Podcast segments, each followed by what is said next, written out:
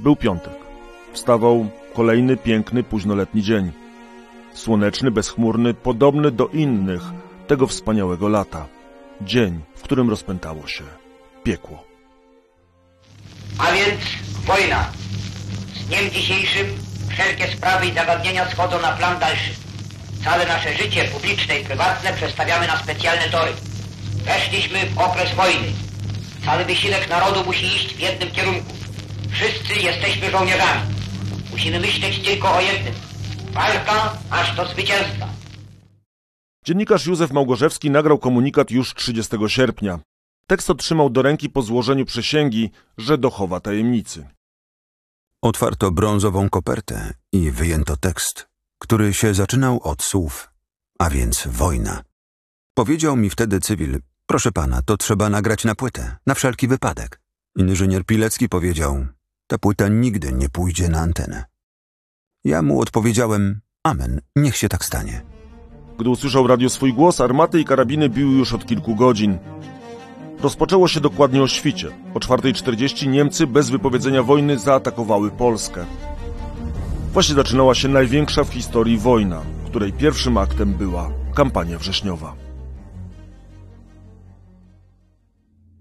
Tysiąc lat. Prześwietlenie. Podcast Muzeum Historii Polski o najważniejszych wydarzeniach w historii Polski. Zaprasza Łukasz Starowiejski. Katastrofa 39. Kampania wrześniowa. Dziś postaram się historycznym rentgenem prześwietlić polską wojnę obronną, szukając odpowiedzi na pytania. Czy wojna musiała wybuchnąć? Czy Polska była bez szans w starciu z hitlerowskim najeźdźcą, wspartym później przez Sowietów? Czy rzeczywiście zostaliśmy zdradzeni przez sojuszników z Zachodu? I wreszcie, czy możliwe było odwrócenie sojuszy i przyłączenie się do koalicji budowanej przez Niemcy? Będzie też o tym, czy rządzące wówczas polską elity to rzeczywiście tchórze, zdrajcy i nieudacznicy. Część pierwsza. Zapałka pod beczką prochu. Pewnie nie zmieniłoby to losów ani świata, ani nawet tej kampanii, ale faktem jest, że wojna miała wybuchnąć sześć dni wcześniej. To na 26 sierpnia Adolf Hitler wyznaczył termin ataku na Polskę. Nawet poniekąd wojna się zaczęła. Na Zaolziu niemieccy dywersanci, do których nie dotarł rozkaz wstrzymania działań, przekroczyli granicę i napadli na stację kolejową, by przejąć strategiczny tunel. Niemcy nazwali sprawę incydentem i oficjalnie przeprosili władze polskie. Tryby wojennej machiny można było na chwilę zahamować, ale zatrzymać jej nie mogło już nic. Czy aby na pewno? By się o tym przekonać, musimy cofnąć się nieco w czasie i przyjrzeć się z bliska najważniejszym europejskim politycznym salonom. Kilka lat zajęło Hitlerowi umocnienie władzy w Niemczech i odbudowanie siły zbrojnej, ale już w drugiej połowie lat 30. był gotowy. Raczej nie myślał wtedy o Polsce. Zaczął od remilitaryzacji na Dreni, a gdy zachodni alianci nie zareagowali, zdecydował się na kroki kolejne. Jego celem było zjednoczenie wszystkich Niemców w jednym kraju. W marcu 1938 roku dokonał Anschlussu, czyli aneksji Austrii.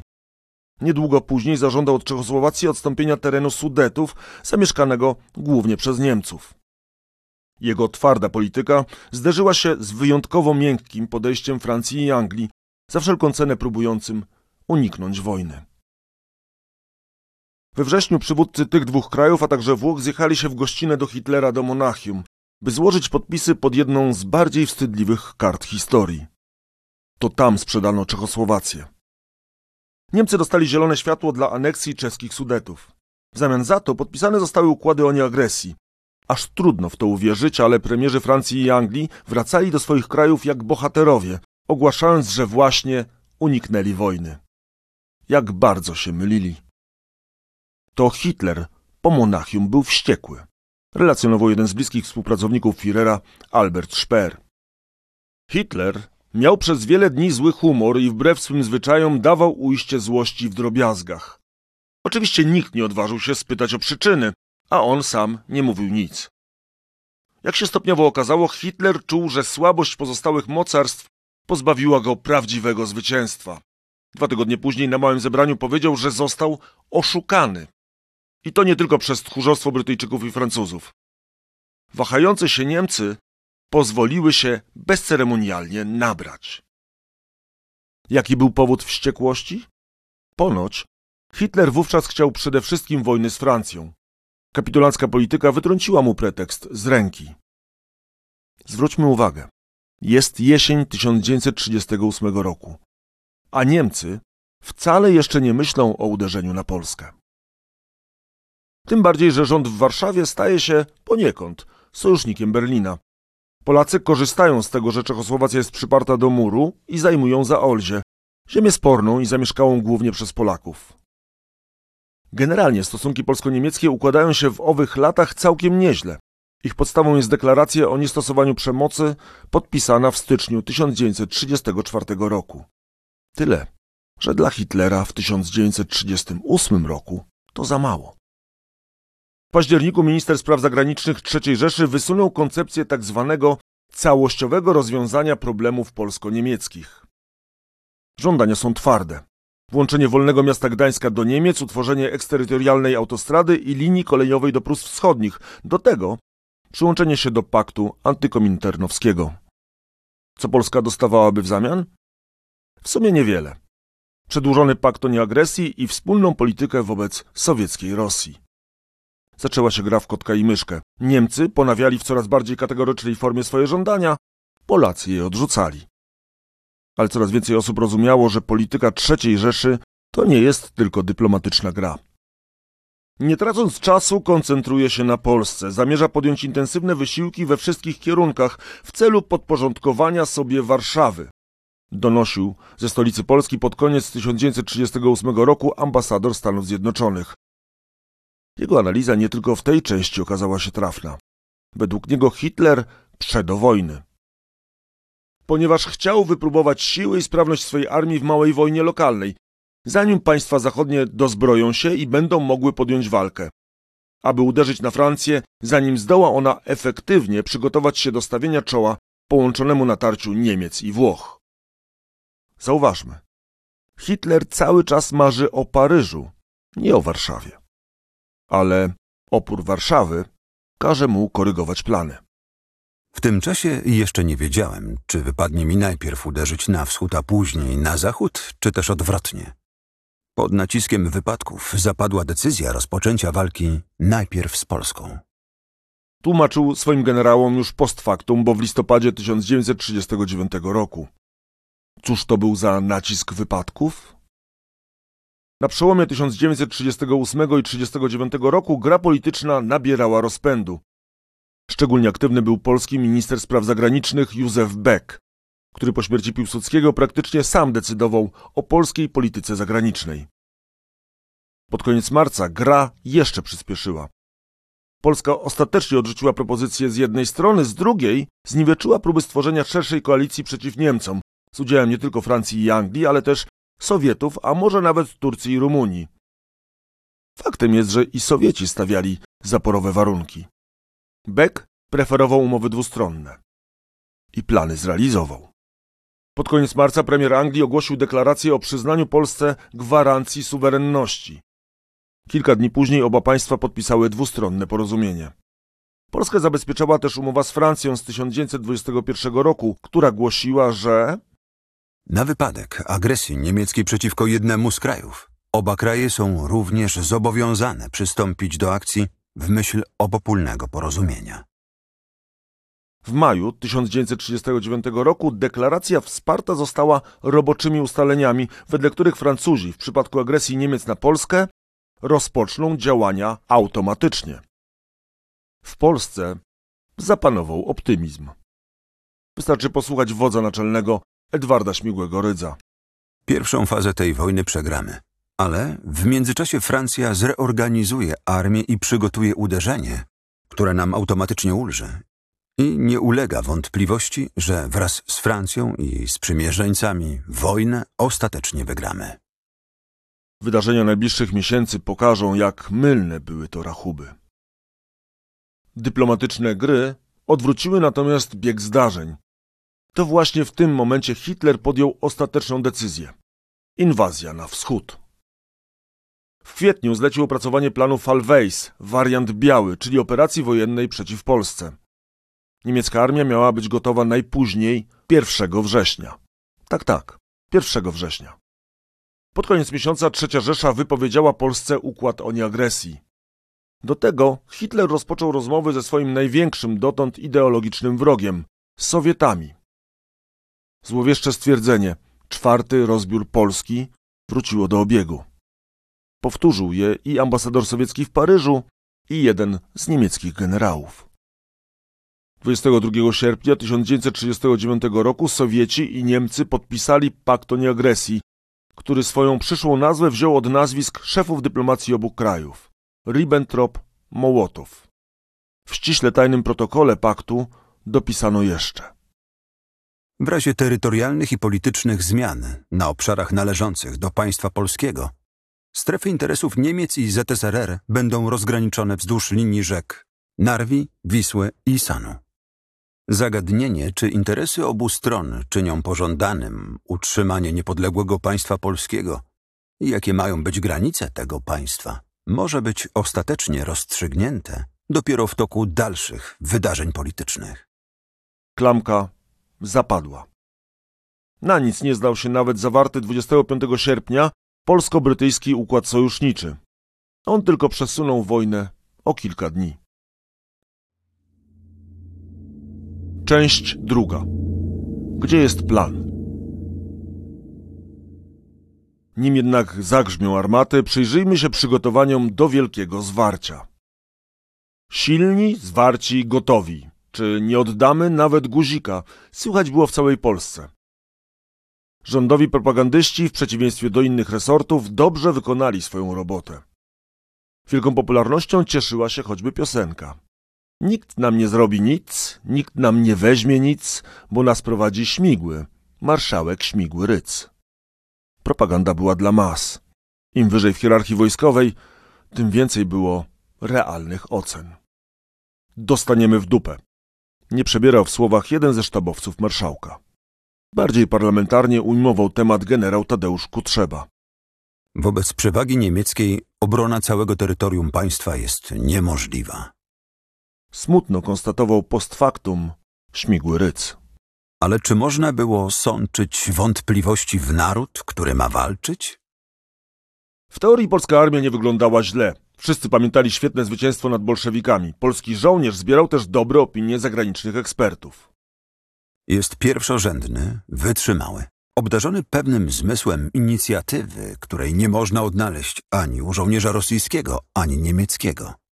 Pisał w 1936 roku generał Louis Morin, członek francuskiej Najwyższej Rady Wojennej. Do optymizmu skłaniać miała liczebność wojska. 30 dywizji piechoty, 37 pułków kawalerii oraz Korpus Ochrony Pogranicza w sile kolejnych trzech dywizji. Wszystko to były piękne pozory. Rydz Śmigły wspominał, że gdy obejmował po śmierci Józefa Piłsudskiego ledwie cztery lata przed wojną obowiązki generalnego inspektora, Zastałem stan mobilizacji grożący katastrofą, oparty na fikcji 46 dywizji, kiedy 30 dywizji było marzeniem nie do spełnienia. Nie było ani jednego działka przeciwlotniczego, ani jednego przeciwpancernego, z wyjątkiem Gratów z 1920 roku. Prawdą jest, że Śmigły wdrożył program modernizacji armii. Jak na możliwości państwa był on ogromnym wyzwaniem. Przeznaczono na niego niemal połowę budżetu, a dodatkowe 10% uzyskano z pożyczki od Francji. Po jego zakończeniu polska armia miała pod względem organizacyjnym i sprzętowym dorównywać francuskiej czy brytyjskiej. Według wstępnych planów projekt miał zakończyć się w 1942 roku. A już na samym początku wdrażania planu pojawiły się opóźnienia przedłużające jego realizację do 1946 roku. Do wybuchu wojny Polska wydała na zbrojenia 730 milionów dolarów. Dzięki temu udało się przezbroić piechoty i artylerię oraz obronę przeciwlotniczą. Zrobiono dużo, ale to nic w porównaniu do zbrojeń za zachodnią granicą. Tam też trwał wyścig zbrojeń, tyle że na zupełnie inną skalę. Niemcy w drugiej połowie lat 30. zainwestowali w armię około 24 miliardów dolarów. Ponad 30 razy więcej niż Polska. I to wcale nie koniec przewag. Niemcy mogli liczyć na zaawansowany przemysł. Polacy dopiero zaczęli budować centralny ośrodek przemysłowy. Możliwości mobilizacyjne? Ludność przyszłego najeźdźcy po włączeniu Austrii i Czech liczyła około 80 milionów. Polaków było nieco ponad 30 milionów. Przeciwko takiemu nieprzyjacielowi niedozbrojona polska armia miała stanąć do wojennego egzaminu. I to do egzaminu, do którego przystępowała z niedopracowanym planem. Miał on kryptonim Z, ale czy rzeczywiście był to plan? Byli tacy, co wątpili. Ani planem, ani w ogóle dokumentem typu wojskowego.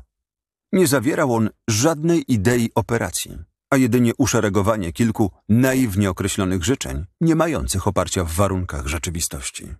Jeśli to było wszystko, z czym nasz naczelny wódz wyruszył na wojnę, to należy uznać, że wybrał się z pustymi rękami. Dosadnie podsumował to szef sztabu Armii Łódź, pułkownik Aleksander Pragłowski i nie był odosobniony. Jak w ogóle mogło do tego dojść? Plan wojny obronnej przeciw Niemcom rodzić się zaczął dopiero w lutym 1939 roku. Wówczas to Rydz Śmigły przedstawił szefowi sztabu generalnego jego główne założenia. Miesiąc później część wytycznych była już nieaktualna, po tym jak Niemcy zajęli całe terytorium Czech i Moraw, dając sobie możliwość dodatkowego ataku z południa. Warto w tym miejscu zaznaczyć, że polskie dowództwo pod koniec lat 30. za znacznie bardziej realną uznawało wojnę z Sowietami. Plan W był dobrze dopracowany, tyle że pozostał wyłącznie na papierze. Plan o kryptonimie Z zakładał bitwę graniczną, a później względnie szybkie wycofanie się na tak zwaną linię wielkich rzek Biebrzy, Narwi, Wisły i Sanu, na której oparta byłaby główna linia obrony. Przy czym bitwa graniczna miała mieć wymiar przede wszystkim polityczny. Wojskowi bali się, że Niemcy mogą skończyć działania po zdobyciu Śląska i Pomorza, zanim Francja i Anglia przystąpią do wojny. Aż trudno uwierzyć, ale na tym plan się kończył. Co gorsza, szczątkowy plan zakładał bezpośrednie dowodzenie marszałka nad całym frontem, co już w pierwszych dniach kampanii wobec notorycznego zrywania się łączności okazało się mrzonką. Do tego plan nie regulował kwestii koordynacji między poszczególnymi armiami. Za te błędy i niedopatrzenia przyszło zapłacić bardzo drogo. Pozostaje bez odpowiedzi pytanie, czy gdyby plan, zgodnie z sugestią m.in. generała Kutrzeby, był bardziej defensywny, a Polacy dłużej stawiali opór, alianci ruszyliby z odsieczą?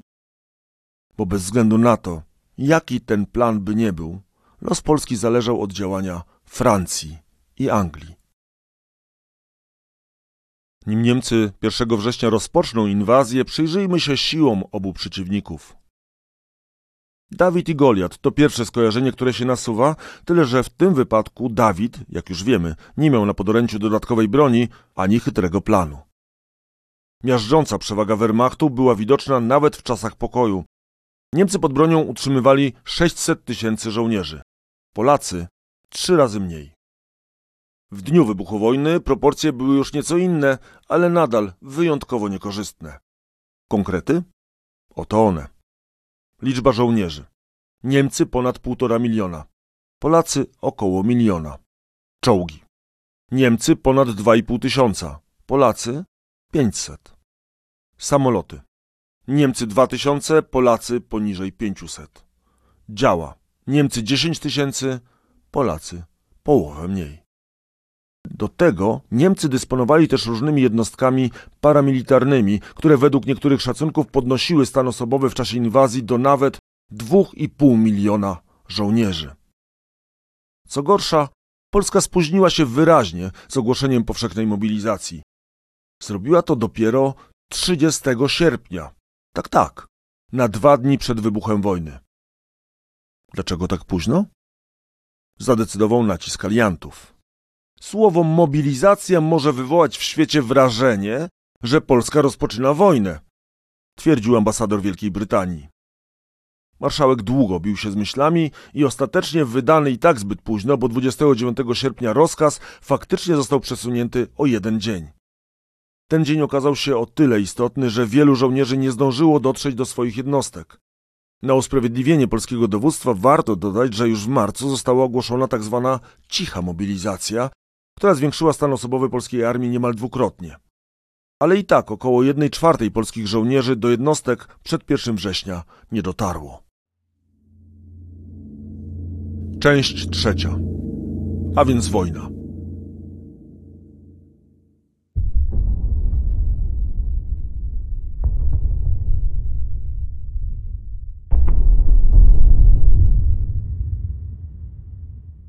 Westerplatte. Godzina 4.45. Nagle dwa wybuchy pocisków armatnich, a w chwilę później następne. To pierwsza salwa. Nie ma już żadnych wątpliwości, że to wojna. Relacjonował jeden z obrońców wojskowej składnicy tranzytowej. Rozpoczęcie ostrzału z pancernika Schleswig-Holstein to chwila, którą powszechnie przyjmowało się za rozpoczęcie II wojny światowej. W rzeczywistości wojna wybuchła kilka minut wcześniej. Około 4.35 Niemcy z powietrza zbombardowali Wieluń oraz most w Tczewie.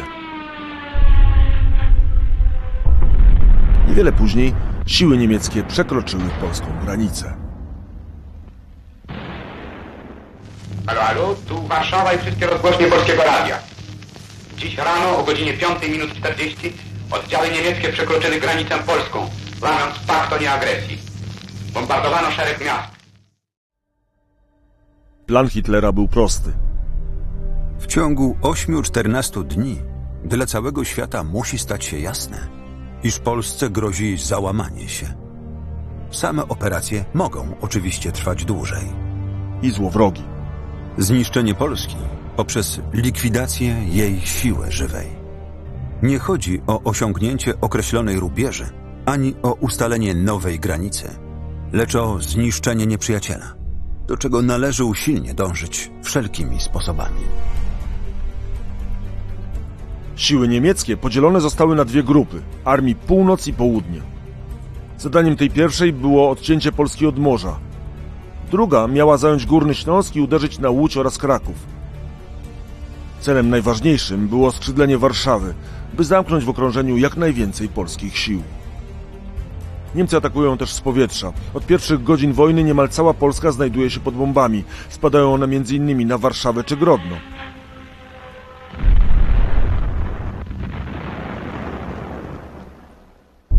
Luftwaffe atakuje nie tylko obiekty wojskowe. Już nalot na Wieloń zniszczenie miasta ujawnia niemiecką strategię. Samoloty niszczą wszystko, także cele cywilne, a myśliwce atakują nawet ludność cywilną. Widzę, jak lotnik niemiecki kołuje nad gromadą, liczącą koło setki małych dzieci. Zniża się 50 metrów, rzuca bomby i strzela z karabinu maszynowego. Dzieci rozpryskują się jak wróble, ale kilkanaście barwnych plam zostaje na polu. Barbarzyńska strategia ma swój głębszy cel, pisze profesor Paweł Wieczorkiewicz w książce Kampania 1939 roku.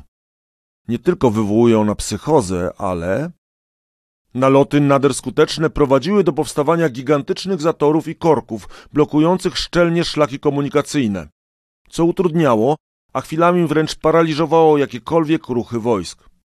Panika, jaka powstawała wśród uciekinierów na odgłos nadlatujących samolotów, często udzielała się żołnierzom. Ataki doprowadziły też do paraliżu łączności między polskimi oddziałami, zakłócały odwroty polskich żołnierzy, a także rozbijały w pył polską infrastrukturę, zarówno wojskową, jak i cywilną. Polacy odgryzali się jak mogli. 250 metrów? 200? 150? I jeszcze bliżej. Świdruje w mózgu myśl. Już teraz. Naciskam spust. Wspomina pierwsze zestrzelenie najsłynniejszy as polskiego myślistwa Stanisław Skalski. Przewaga niemiecka jest jednak ogromna. Po nieco ponad dwóch tygodniach polskie lotnictwo praktycznie traci wartość bojową. Naloty są tylko elementem uzupełniającym zmasowany atak. Blitzkrieg, wojna błyskawiczna, to nazwa, która przylgnęła do taktyki Niemców. Taktyka ta polegała na gwałtownych atakach sił zmotoryzowanych i pancernych. Zadaniem było przełamywanie frontu. Ogromna przewaga sprzętowa i wielka szybkość przemieszczania się to powody, dla których okazała się niezwykle skuteczna. Nim gąsienice rozjadą całą Polskę, zatrzymajmy się na chwilę, by spojrzeć w niebo. nie szukając w nim wcale zjawisk nadprzyrodzonych. Warto w tym momencie wspomnieć o pogodzie. Mogło wydawać się, że owego lata wszystko sprzysięgło się przeciw Polsce. Wakacje 1939 roku były wyjątkowo piękne, bardzo ciepłe i niemal bezdeszczowe.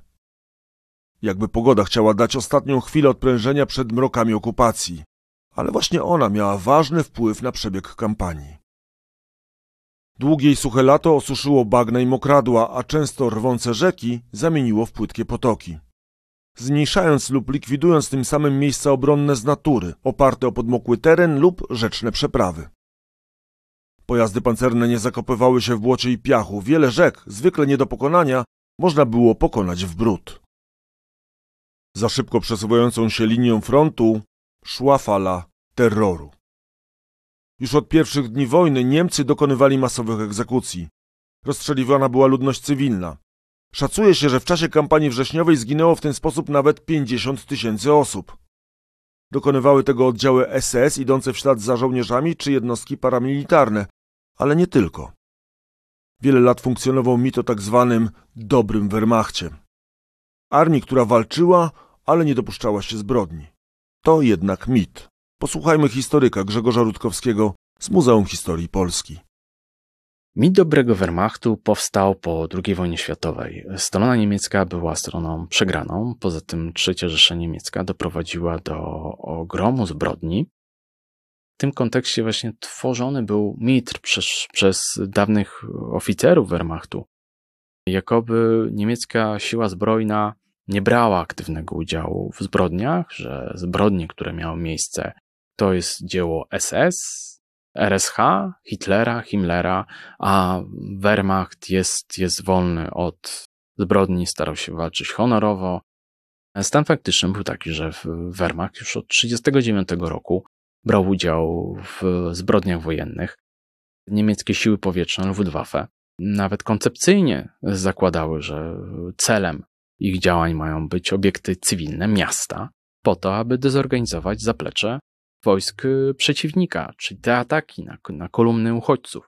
Było podyktowane tego tym, żeby szerzyć terror, żeby szerzyć chaos i siły zbrojne Niemiec walczyły tak, jakby żadne konwencje ówczesne e, ich nie obowiązywały.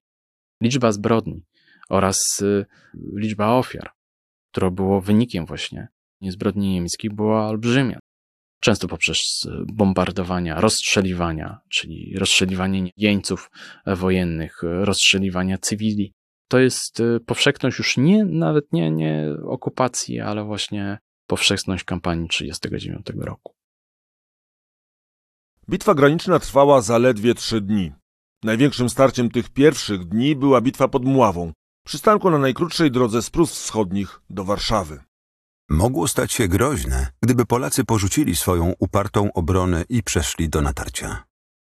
Zaskakująco podsumowywał niemiecki generał Nikolaus von Forman. Polacy próbowali nawet kontratakować, ale przede wszystkim zabrakło koordynacji i ostatecznie zostali zmuszeni do odwrotu. Wehrmacht przełamał też front pod Częstochową i zajął Śląsk. Podobnie wyglądało to w całym kraju. Polskie oddziały wycofywały się na tak zwaną linię wielkich rzek Wisły, Warty czy Narwi. Tyle, że Niemcy postępowali krok w krok, a czasem nawet wyprzedzali cofające się jednostki. Zwycięstwo pod Mławą pozwoliło im już 6 września na sforsowanie Narwi, czyli przekroczenie linii wielkich rzek. Polski plan obrony na tym odcinku załamał się, tworząc zagrożenie dla samej Warszawy. Odwrót. To słowo klucz czasem planowy, często bezładny. Ale i tak najważniejsze dla Polski decyzje zapadały daleko od jej terytoriów w Paryżu i Londynie. Część czwarta. Sitzkrieg, czyli aliancka wojna na siedząco. Na zachodzie bez zmian. Na razie pełno tam górnolotnych słów. Anglia nie ma zwyczaju opuszczać swych przyjaciół miał rzucić lord Edward Halifax, szef brytyjskiej dyplomacji w czasie rozmowy z polskim ambasadorem. Francuzi też wyglądali na gotowych. Szef sztabu generalnego pisał do francuskiego premiera. Neutralność Hiszpanii, a zwłaszcza Włoch, zapewnia nam bez czekania na pomoc angielską wystarczające środki, aby działać potężnie. Przy czym celem tej akcji będzie niewątpliwie skuteczna i względnie gwałtowna, potężna pomoc dla Polski. Anglicy rozpoczęli przerzut samolotów do Francji. Do Berlina wysłali też ultimatum. W stolicy Niemiec zapanowała konsternacja. Posłuchajmy, jak wspominał to główny tłumacz niemieckiego MSZ Paul Schmidt. Hitler siedział jak skamieniały i patrzył przed siebie. Nie był zmieszany, jak później twierdzono, ani nie wpadł we wściekłość, jak chcieli inni. Siedział w całkowitym milczeniu i bez ruchu. Po chwili, wydawała mi się ona wiecznością, zwrócił się do Ribbentropa, który jak skamieniały stał nadal przy oknie.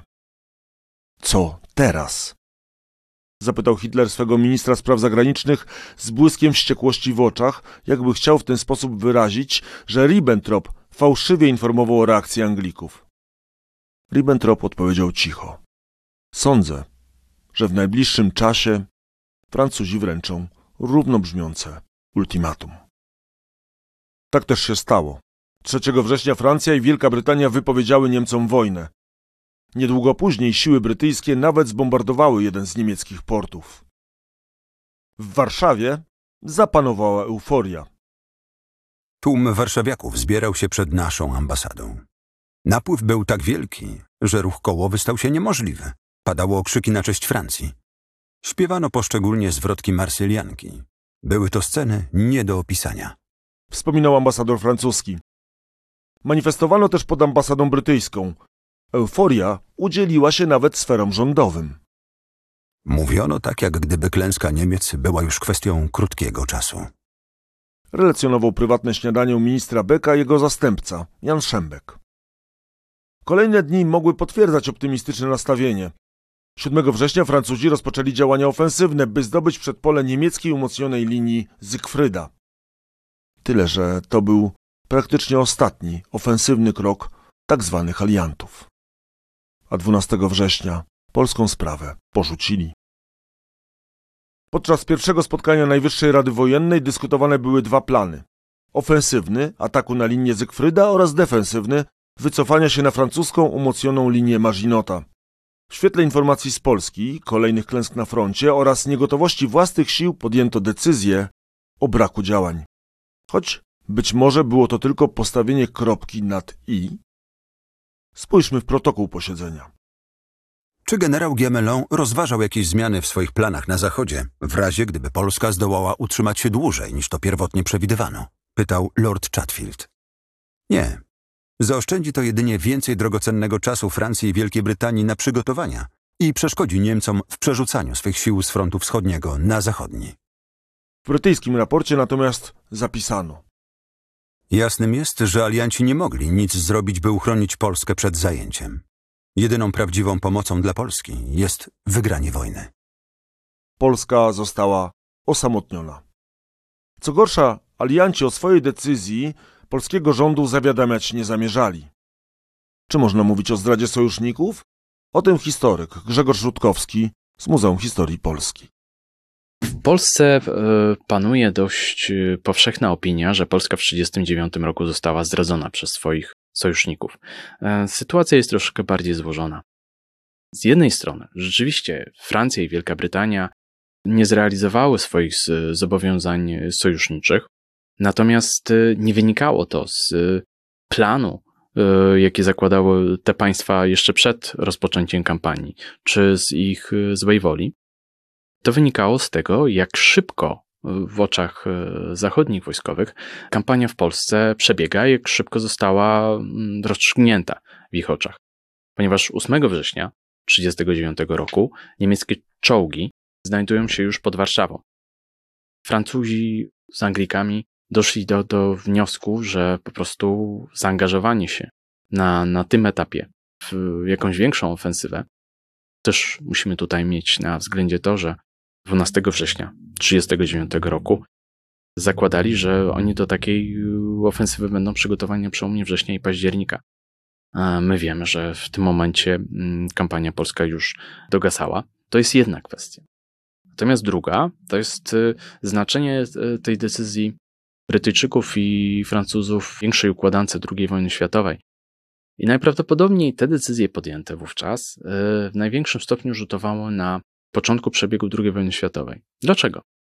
Ponieważ Francuzi z Brytyjczykami nie byli w stanie przez okres do wiosny 40 roku wzmocnić się na tyle, aby powstrzymać trzecią Rzeszę Niemiecką. Natomiast wiemy, że do wiosny 40 roku Niemcy nie tylko uzupełnili straty, ale także znacznie się wzmocnili, dzięki czemu e, mogli w stosunkowo łatwy sposób podbić większość zachodniej Europy, bo upadła nie tylko Francja, ale także Belgia, Holandia, Dania i Norwegia.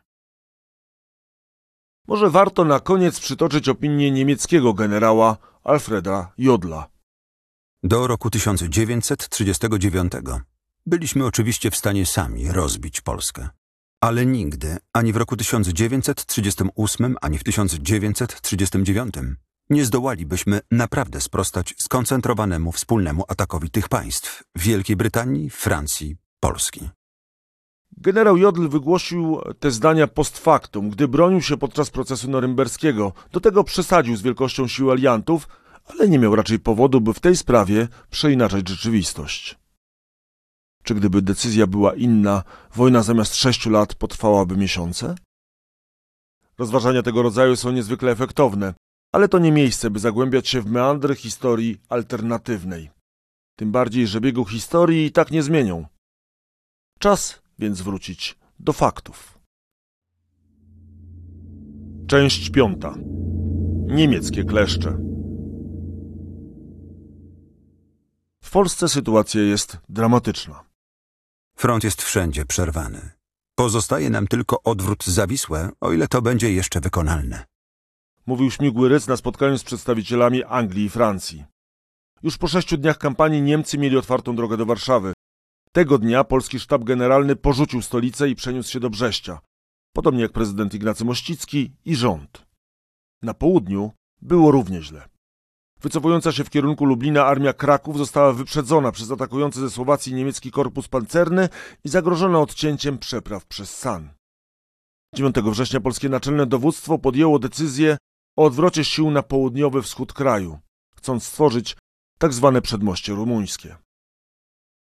Niemcy parli bez wytchnienia, przełamując kolejne przeszkody. W okolicach Broku przeprawili się przez Bóg i na nic nawet zdały się polskie termopile, czyli bohaterska obrona Wizny. Ale czy można było bez końca się cofać? Był generał, który już kilka razy zgłaszał propozycję kontrnatarcia. Fortissime, wszystko jak było umówione. Prowadzić energiczną akcję najszybciej. Dalej na obiad do Wierzbickiego. Większość słuchaczy zapewne nie zrozumiała komunikatu, ale właśnie w ów sposób, na falach otwartego radia, marszałek Śmigły Rydz dał zielone światło do kontruderzenia. Wobec koszmarnych problemów z komunikacją między sztabem a poszczególnymi armiami miał to być sposób najpewniejszy. Slang żołnierski miał zastąpić szyfrowanie. Generał Kutrzeba, który był owym ofensywnie nastawionym generałem, komunikatów wysłuchał, ale bądź go nie zrozumiał, bądź sytuacja na froncie wymagała korekty. Zamiast w kierunku Radomia, gdzie mieściła się słynna wówczas restauracja Wierzbickiego, uderzył w stronę Strykowa. Cofające się armie Poznań i Pomorze zaatakowały nocą z 9 na 10 września w bok maszerującej na Warszawę 8 Armii Niemieckiej. Zaczęła się bitwa nad Bzurą, największe starcie wrześniowej kampanii.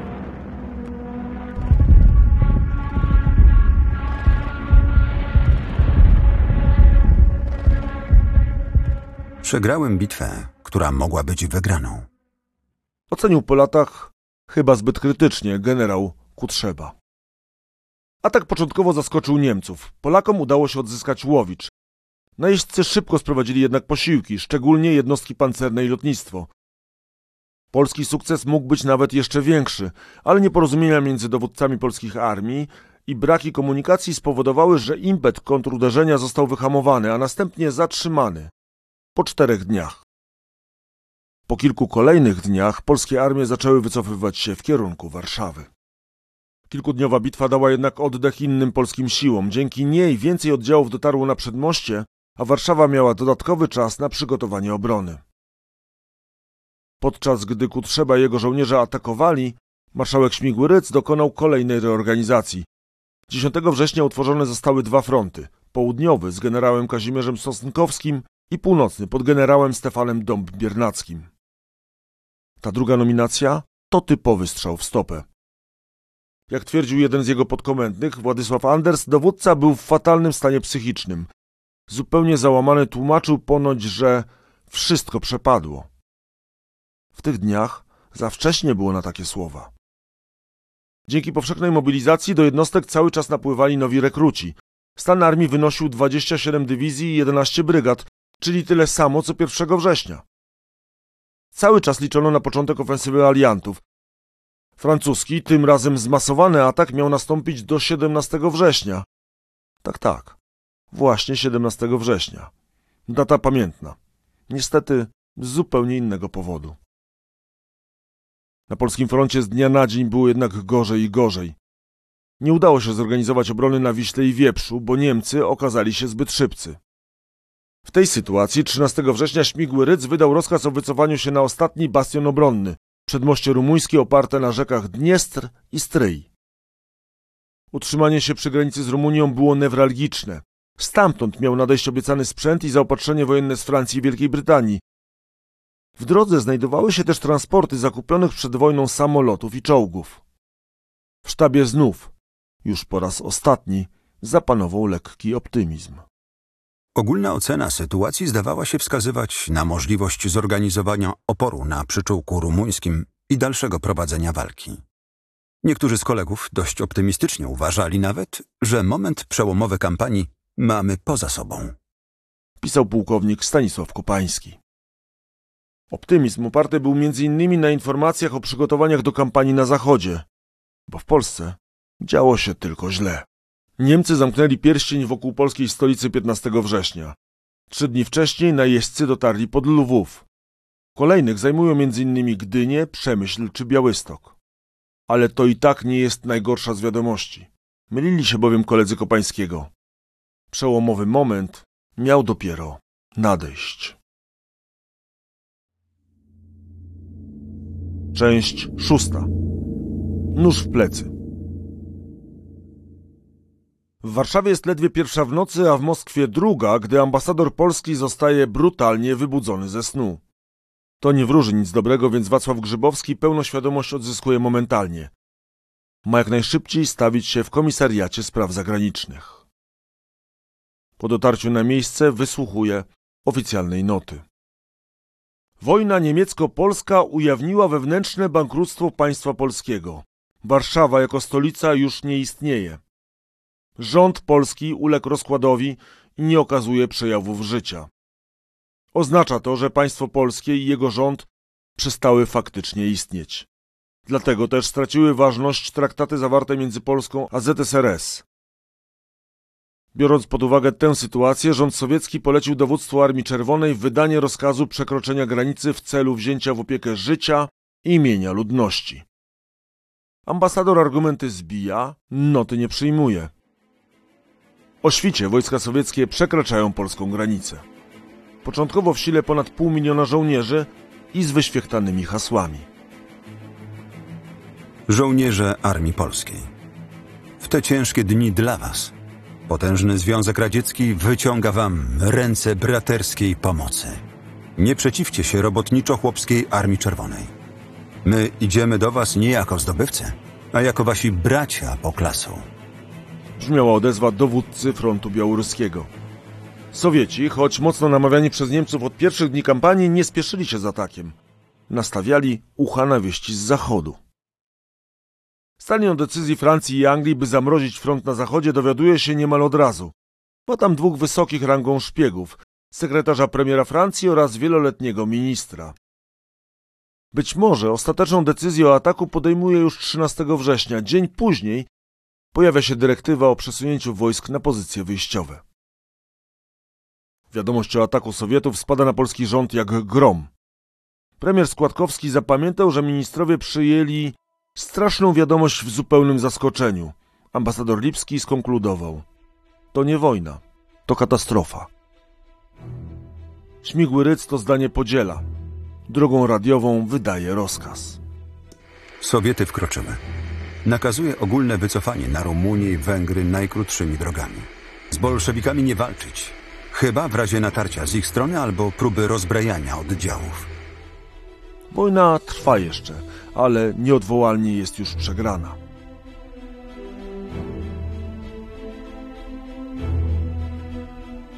Czy pan oszalał? Każe pana oddać pod sąd wojenny zasianie paniki.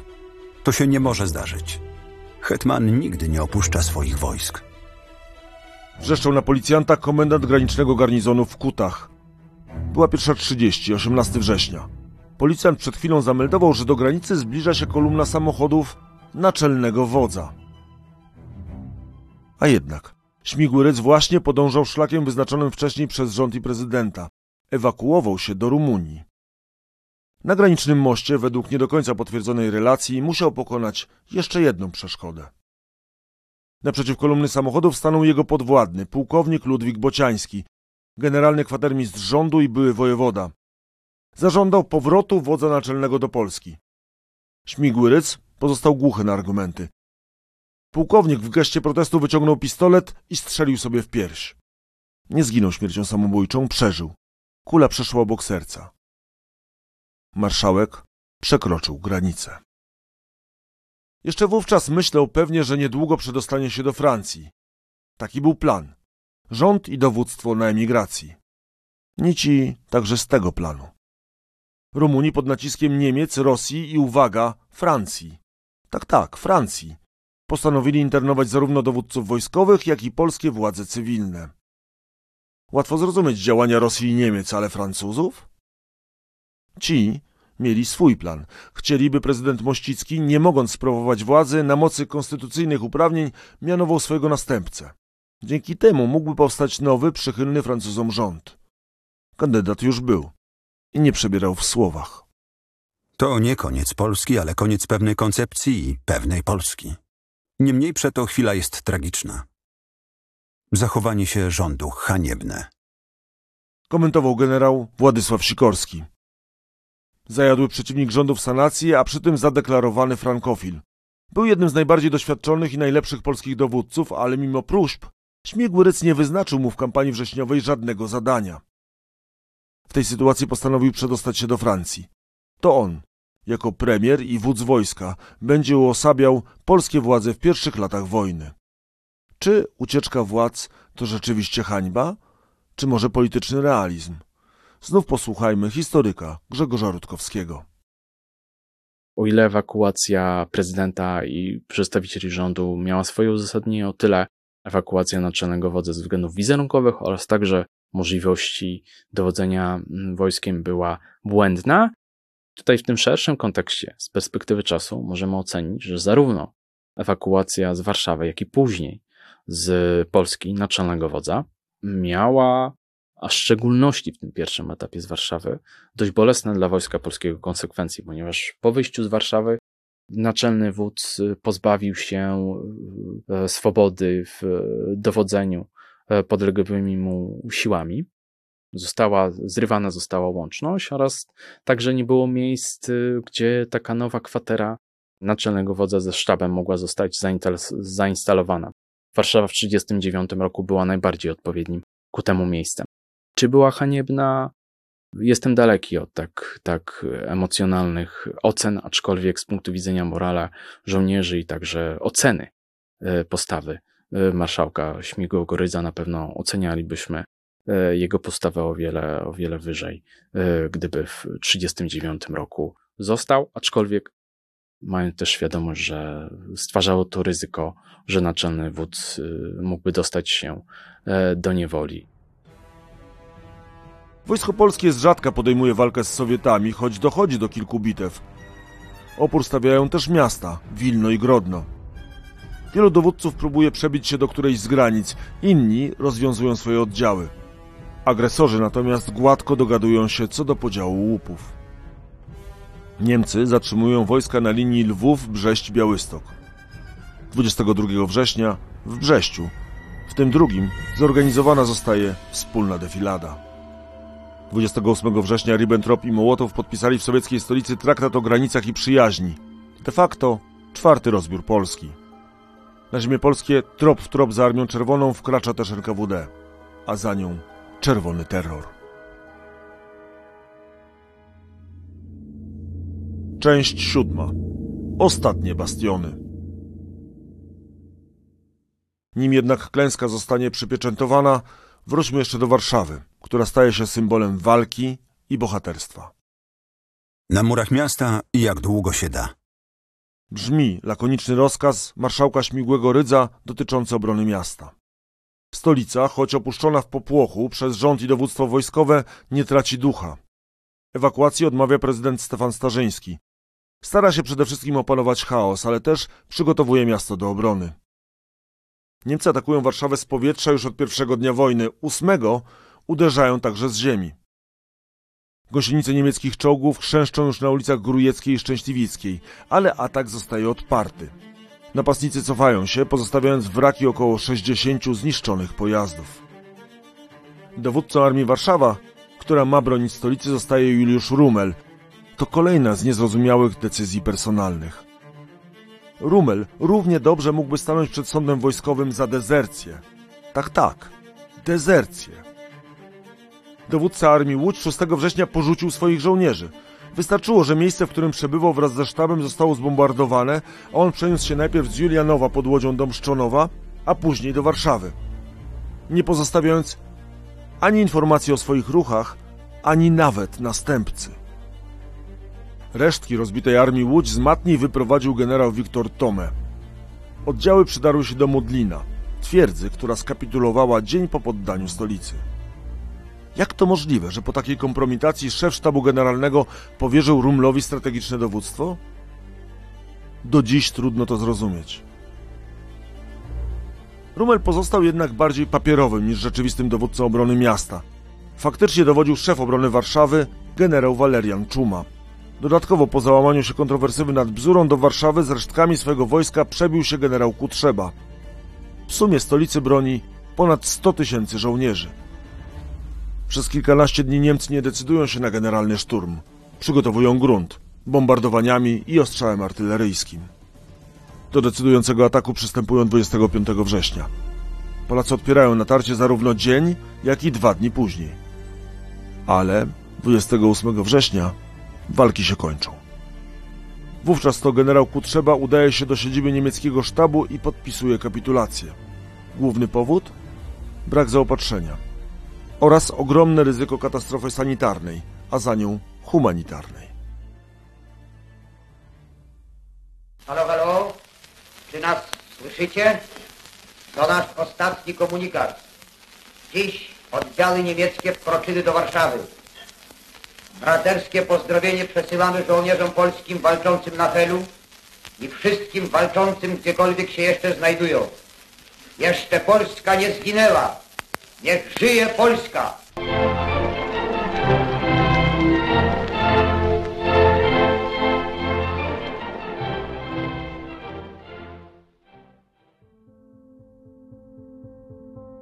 Podczas oblężenia stolicy zginęło 2000 wojskowych i aż 10 tysięcy cywilów. Ponad 60 tysięcy osób zostało rannych. Zniszczony został też co ósmy budynek Warszawy. Nikt wówczas nie może wiedzieć, że to dopiero początek straszliwej gehenny miasta. Ale to też realny początek walki podziemnej. W przeddzień kapitulacji utworzona została konspiracyjna organizacja Służba Zwycięstwu Polski. Koniec września. Wojna dogorywa. Praktycznie po całym terytorium panoszą się wojska najeźdźców, ale nie wszędzie jeszcze złożono broń. Wszyscy kapitulują we wrześniu. My wytrzymamy do października. Oświadczył dowódca obrony Helu. Według przedwojennych planów jednostka miała utrzymać się przez sześć tygodni, ale po upadku Warszawy komandor Włodzimierz Stejer dostał wolną rękę. Hel atakowany był od 1 września, głównie z wody i powietrza. 30 września z samego końca Cypla żołnierze próbowali nawet zrobić wyspę, wysadzając zaporę torpedową. Plan się nie powiódł, a kapitulacja podpisana została 2 października. Gdy obrońcy Półwyspu szli do niewoli, trwała jeszcze ostatnia duża bitwa tej kampanii. Był zaprzeczeniem tego, że wszystko się wali, że wszystko zawodzi. Dziwny wódz. Innym wojska rozbijano, Jemu walka je zbierała. Pisał jeden z oficerów o generale Franciszku Klebergu. Dowódca ten początkowo organizował obronę Polesia. Po 17 września próbował przebijać się w stronę granicy. Po kilku dniach zmienił kierunek, by iść z odsieczą Warszawie. W końcu, w związku z brakami amunicji, postanowił zaatakować Dęblin, by zdobyć składnicę uzbrojenia. Jego zgrupowanie, przemianowane na samodzielną grupę operacyjną Polesie, działało jak magnes, przyciągając resztki rozbitych oddziałów. Był to bój heroiczny i skuteczny, do czasu, gdy skończyła się amunicja. Klebergowi pozostały rozmowy kapitulacyjne. Kocku, na podwórzu przed pałacem, czeka kompania. Prezentuje broń. Wita nas generał, dowódca korpusu. Mówi kilka grzecznych słów. Podziwia bohaterstwo Polaków. Biliście się tak, jak tylko Niemcy bić się potrafią. Generał odpowiada. Wykonaliśmy to, co do nas należało. Skończyła się amunicja. Skończyliśmy się bić.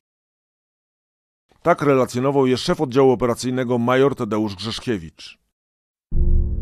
To był praktycznie koniec działań wojennych. Na terenie byłej już II Rzeczpospolitej znajdowały się co prawda oddziały pod bronią, ale głównym ich celem było przebicie się do granicy lub, jak w przypadku majora Henryka Dobrzańskiego Hubala, walka partyzancka. Bilans kampanii jest porażający. Zginęło 70 tysięcy, a rannych zostało ponad 130 tysięcy polskich żołnierzy. Do niemieckiej niewoli trafiło ponad 400 tysięcy wojskowych. Straty niemieckie były kilkukrotnie mniejsze. Śmierć poniosło około 16 tysięcy, a rany około 30 tysięcy żołnierzy. W walkach z Sowietami zabitych lub zamordowanych zostało ponad 6 tysięcy polskich wojskowych. Sowieci mieli stracić około 3 tysięcy poległych.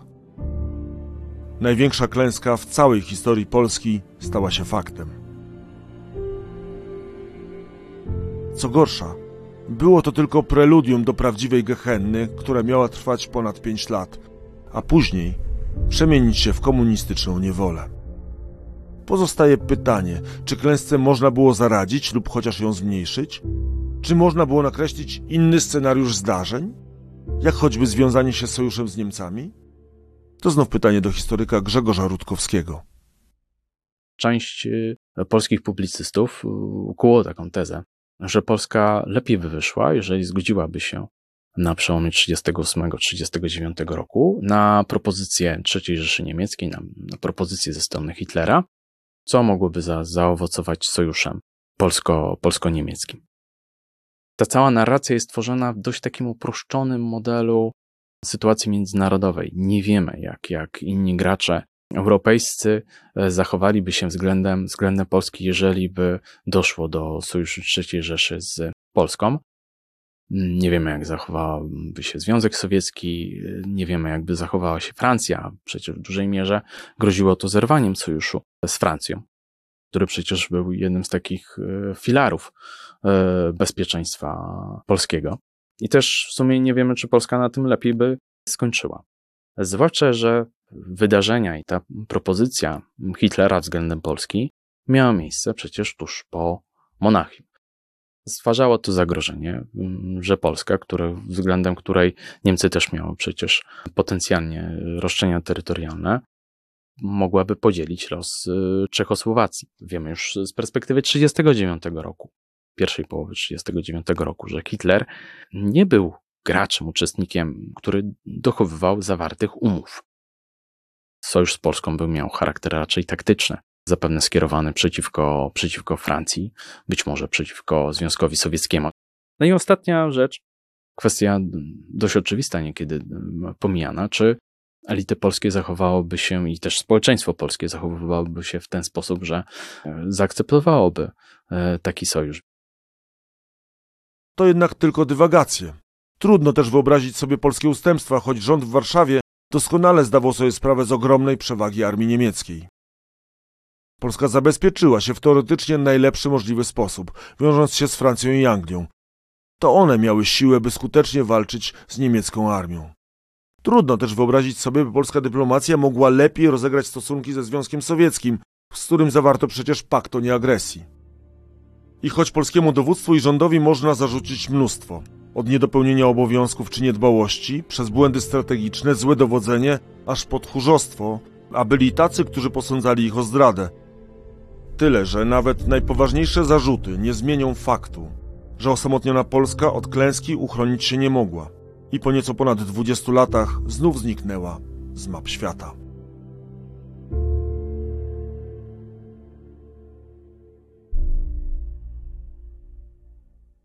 I to wszystko w dzisiejszym podcaście. Zapraszam na kolejne. Do usłyszenia, mam nadzieję. Łukasz Starowiejski. Tysiąc lat. Prześwietlenie. Podcast Muzeum Historii Polski o najważniejszych wydarzeniach w historii Polski. Podcastów Tysiąc lat prześwietlenie wysłuchasz na YouTube, Spotify, Google Podcast, Audiotece, a także na innych platformach podcastowych. Chcesz być na bieżąco? Subskrybuj kanał Muzeum Historii Polski.